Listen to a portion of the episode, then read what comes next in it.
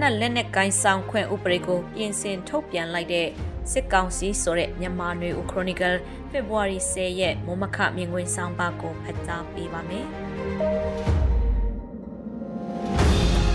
ဇန်နဝါရီလ31ရက်နေ့နေ့ဆွဲပါရှိရဲ့လက်နက်ခဲယံကိုင်းဆောင်ခွင့်မှုလို့ခေါ်ဆိုတဲ့တနက်ကင်ဆောင်တဲ့ဥပဒေကိုပြင်ဆင်ထုတ်ပြန်လိုက်တဲ့ဥပဒေတရက်ကိုစစ်ကောင်စီကဒီနေ့အများကြီးအောင်ထုတ်ပြန်လိုက်ပါတယ်။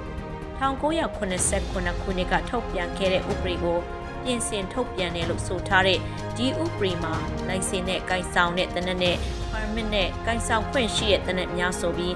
နှမျိုးခွဲခြားထားတာတွေ့ရမှာဖြစ်ပြီးလိုင်စင်နဲ့ကိုင်ဆောင်ခွင့်ရှိတဲ့တနက်တွေကတဦးချင်းလုံခြုံရေးအတွက်ကာကွယ်ဖို့သဘောမျိုးအချို့သောဒေတာတွေမှာအမဲလိုက်တဲ့တနက်အုပ်စုဝင်တနက်တွေဖြစ်ပြီး permit နဲ့ကိုင်ဆောင်တဲ့တနက်တွေကတော့ ပြည်သူစစ်လိုမျိုးအဖွဲ့တွေကဂိုင်ဆောင်တဲ့တနက်တွေဖြစ်တဲ့ rifle တနက်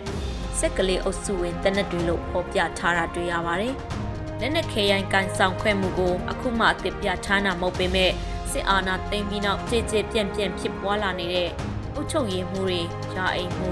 စစ်အရာရှိဟောင်းတရင်ပေးတွေလို့ယူဆကြသူတွေကိုလုံခြံတက်ဖြတ်မှုတွေကိုကာကွယ်ဖို့အတွက်စစ်ကောင်စီကအခုဥပဒေပြင်ဆင်ချက်ကိုထုတ်ပြန်လာလို့ယူဆရပါတယ်။ ခဲနှစ်နှစ်တာအတွင်းမြို့ပေါ်ပျောက်ကြားအဖွဲ့တွေရေက PDF အဖွဲ့တွေက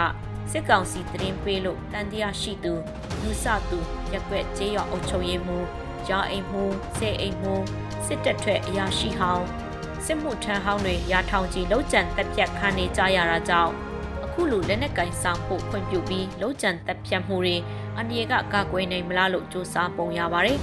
အခုပြင်ဆင်ထုတ်ပြန်တဲ့ဥပဒေဟာအချို့သောနိုင်ငံက လက်နက်ကင်ဆောင်ခွင့်ဥပဒေတွေလိုနိုင်ငံသားတိုင်းမိမိလုံခြုံရေးကိုကာကွယ်နိုင်တဲ့ဥပဒေမျိုးမဟုတ်ဘဲစစ်ကောင်စီက၎င်းတို့ရည်ရွယ်တဲ့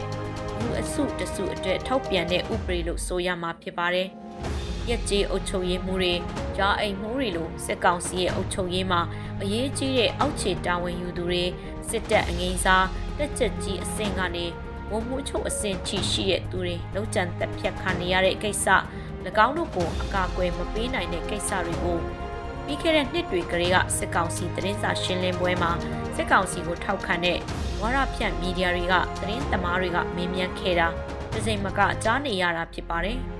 စစ်ကောင်စီဘက်ကတဦးချင်းကိုအကာအကွယ်ပေးနိုင်ဖို့ထက်စစ်တပ်ထဲက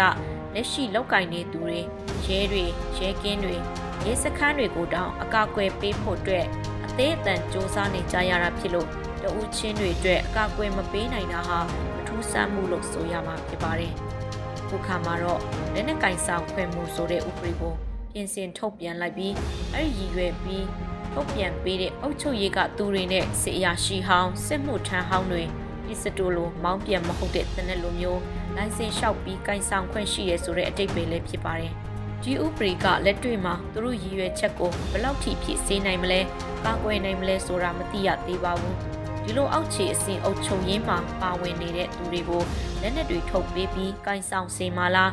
စစ်မှုထမ်းဟောင်းတွေကိုလက်နက်ထုတ်ပေးပြီးကင်ဆောင်စေမှာလားဆိုတာမသိနိုင်သေးပါဘူး။ဒီနည်းအဖြစ်တော့မြုပ်ပြပျောက်ကြားအဖွဲ့တွေနဲ့ဒေသကာကွယ်တပ်ဖွဲ့တွေကို၎င်းတို့ပြစ်မှတ်ထားသူတွေထံမှ လက်ရှိနေနိုင်တဲ့ဆိုတဲ့သဘောသတင်းစကားပါချင်တာရည်ရွယ်ချက်တခုဖြစ်ပုံရပါတယ်။အခုလိုလက်နက်ကင်ဆောင်ခွင့်ဥပဒေပြင်ဆင်ထုတ်ပြန်လိုက်တာဟာမြန်မာနိုင်ငံလက်နက်ကင်တော်လှန်ရေးကိုပိုပြီးကျေပြန့်လာအောင်လုပ်တယ်လို့လည်းဖြစ်ကောင်းဖြစ်စေနိုင်ပါတယ်။လာမယ့်နှစ်ကာလတွေမှာလက်နက်ကင်ဆောင်သူပိုများလာလက်နက်နဲ့တိုက်ခိုက်မှုပိုများလာပြီးအခြေအနေက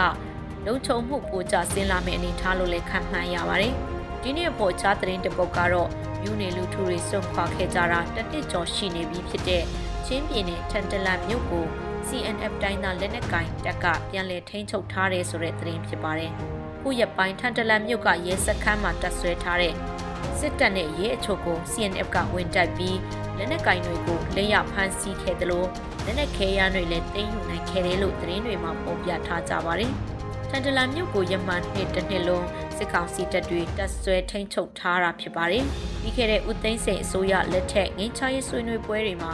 NCA လက်မှတ်ရေးထိုးခဲ့တဲ့ CNF တိုင်းသားလက်နက်ကိုင်အဖွဲ့ဟာစစ်အာဏာသိမ်းပြီးနောက် NCA ကိုပြစ်ပြေကြောင်းကြေညာကစစ်ကောင်စီတပ်တွေနဲ့တိုက်ပွဲတွေဖြစ်ပွားခဲ့တာဖြစ်ပါတယ်။ CNF အင်အားကောင်းတဲ့ဒေသအခြေစိုက်ရာဒေသကလည်းထန်တလန်ဖြစ်ပြီးထန်တလန်မြို့ပြီးတင်ရှိုးတဲ့အဖြစ်အပျက်တွေမဖြစ်ပွားခင်မှာ အဲ့ဒီဒေသတွေမှာစစ်ကောင်စီနဲ့ CNF ကြားတိုက်ပွဲတွေဖြစ်ပွားခဲ့တာဖြစ်ပါတယ်။အခုလိုတစ်နှစ်ကျော်ကြာမှာ CNF ကမီးလောင်ကျွမ်းပြီးမြို့ပြက်တပွဲဖြစ်နေတဲ့ထန်တလန်မြို့ကိုပြန်လည်ထိန်းချုပ်ခဲ့တဲ့သဘောဖြစ်ပြီးစစ်ကောင်စီဘက်ကစစ်ရေးအရတုံ့ပြန်မှုတွေဘယ်လိုလှုပ်ဆောင်လာမလဲဆိုတာစောင့်ကြည့်ရအောင်မဲ့သဘောလည်းဖြစ်ပါလိမ့်ရှင်။